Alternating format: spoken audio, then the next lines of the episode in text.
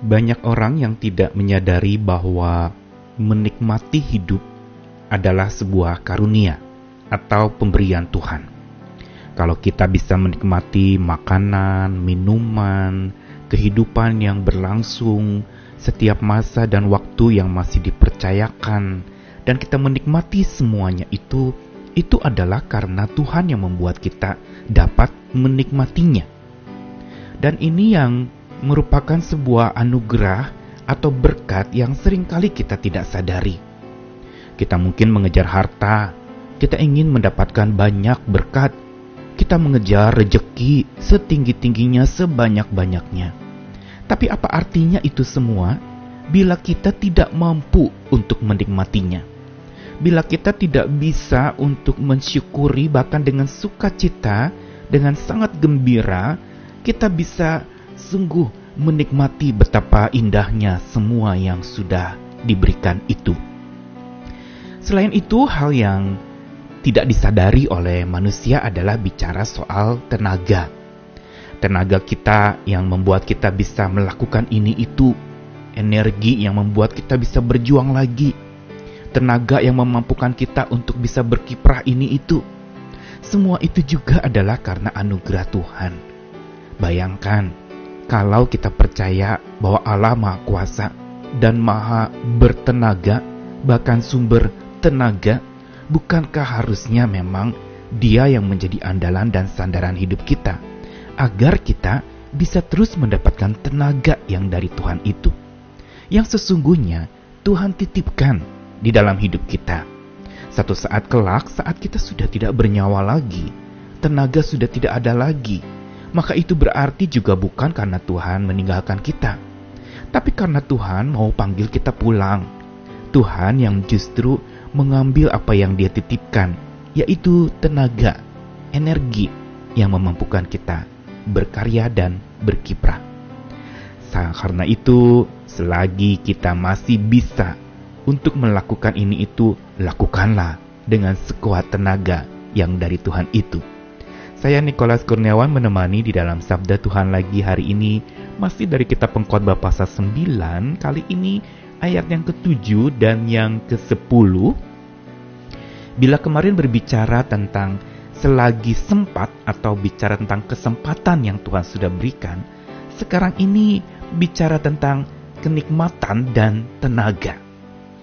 Pengkhotbah 9 ayat 7 dan 10 Mari makanlah rotimu dengan sukaria dan minumlah anggurmu dengan hati yang senang karena Allah sudah lama berkenan akan perbuatanmu. Segala sesuatu yang dijumpai tanganmu untuk dikerjakan kerjakanlah itu sekuat tenaga karena tak ada pekerjaan pertimbangan pengetahuan dan hikmat dalam dunia orang mati ke mana engkau akan pergi.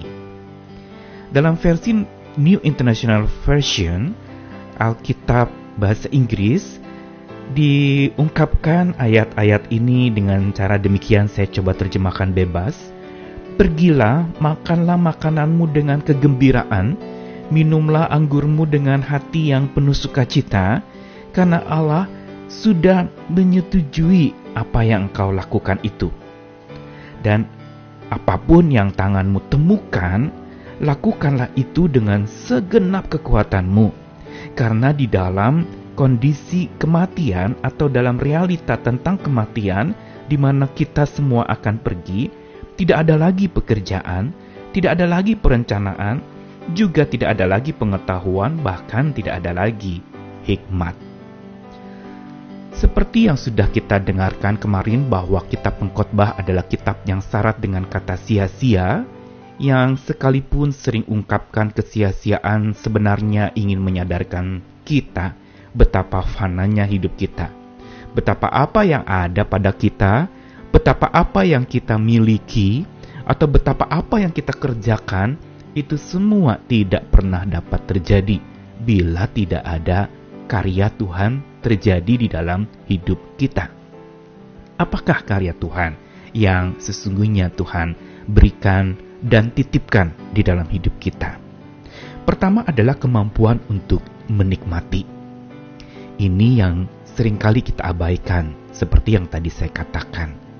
Kalau kita bisa menikmati dengan gembira apa yang kita bisa makan, minum, itu adalah sungguh Tuhan yang ada di balik semua itu. Karenanya pengkhotbah mengatakan dalam ayat yang ketujuh, Pergilah makanlah rotimu dengan sukaria. Minumlah anggurmu dengan hati yang senang Berarti Tuhan ingin supaya kita benar-benar menerima dengan hati yang penuh kegembiraan akan roti yang kita dapatkan atau yang kita kerjakan untuk kita dapatkan atau anggur minuman yang menyukacitakan itu dengan hati gembira. Kenapa? Di dalam ayat yang ketujuh dikatakan, karena Allah sudah lama berkenan akan perbuatanmu. Atau bisa diterjemahkan karena Allah itu menyetujui semua itu untuk engkau nikmati. Dengan kata lain bahwa kalau kita bisa menikmati ini itu, itu adalah karena persetujuan Tuhan untuk kita dapat nikmati. Karena itu nikmatilah.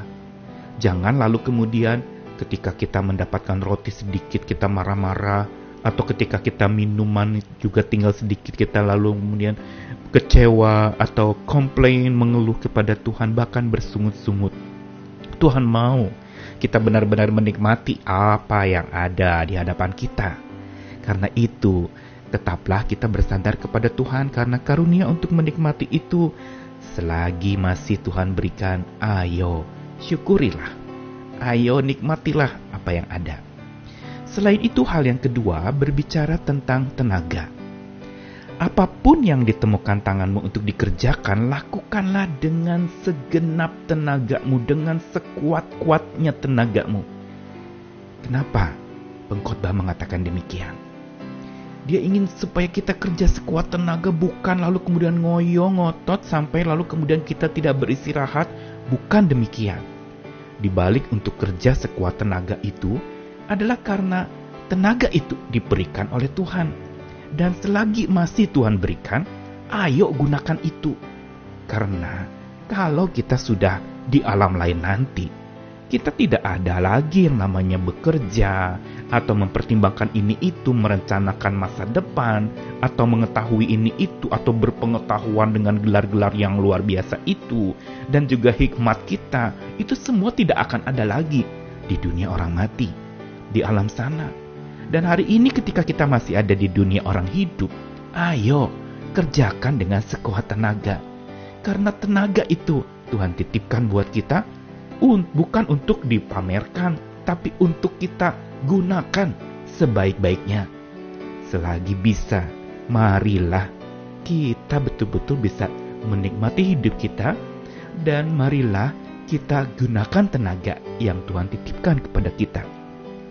Di dalam kedua hal inilah terletak sebuah daya juang yang bertumbuh. Daya juang yang berangkat dari sebuah kenikmatan Allah yang dikaruniakan kepada kita untuk menikmati apa pun juga. Dan yang kedua adalah tenaga yang Tuhan titipkan kepada kita. Ayo kerjakan, gunakan tenaga itu. Mari nikmati hidup ini sambil tetap bersyukur kepada Tuhan dan hidup tersungkur kepadanya. Dan Gunakan setiap tenaga yang Tuhan masih berikan kepada kita kalau kita masih bisa melakukan ini, kalau kita masih mampu untuk mengerjakan itu, itu semua dititipkan oleh Tuhan. Syukurilah tenaga yang masih ada hari ini dan pakailah itu untuk kemuliaan nama Tuhan. Selamat menikmati dan selamat bertenaga. Ayo semangat memulai kembali. Amin.